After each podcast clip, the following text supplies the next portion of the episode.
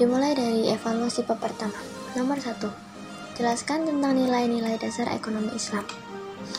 Nilai dasar ekonomi Islam diturunkan dari inti ajaran Islam, yaitu tauhid. Prinsip tauhid ini melahirkan keyakinan bahwa kebaikan perilaku manusia adalah karena kemurahan Allah taala.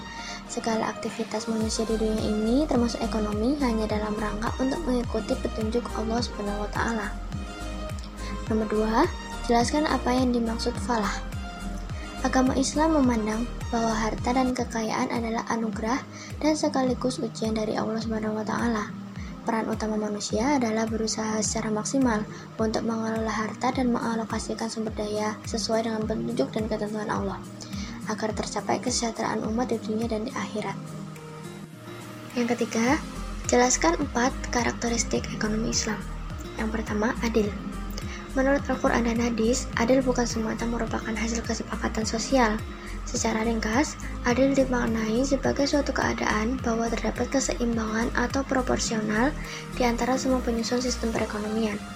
Perlakuan terhadap individu secara setara atau atau non diskriminatif, baik dalam kompensasi, hak hidup layak, dan hak hidup menikmati pembangunan, serta pengalokasian hak, penghargaan, dan keringanan berdasarkan kontribusi yang diberikan. Yang kedua, tumbuh sepadan. Ekonomi tumbuh sepadan mencerminkan pertumbuhan ekonomi yang setara dengan fundamental ekonomi negara, yaitu pertumbuhan yang seimbang antara sektor keuangan dan sektor real, sesuai dengan kemampuan produksi dan daya beli masyarakat. Pertumbuhan ekonomi tidak harus tinggi atau cepat, namun stabil dan berkesinambungan. Eksploitasi sumber daya secara berlebihan dapat mendorong pertumbuhan ekonomi tinggi dalam jangka pendek, namun tidak berkesinambungan. Oleh karena itu, pertumbuhan ekonomi harus memperhatikan keseimbangan alam dan lingkungan serta berkelanjutan pembangunan antar generasi. Yang ketiga, bermoral.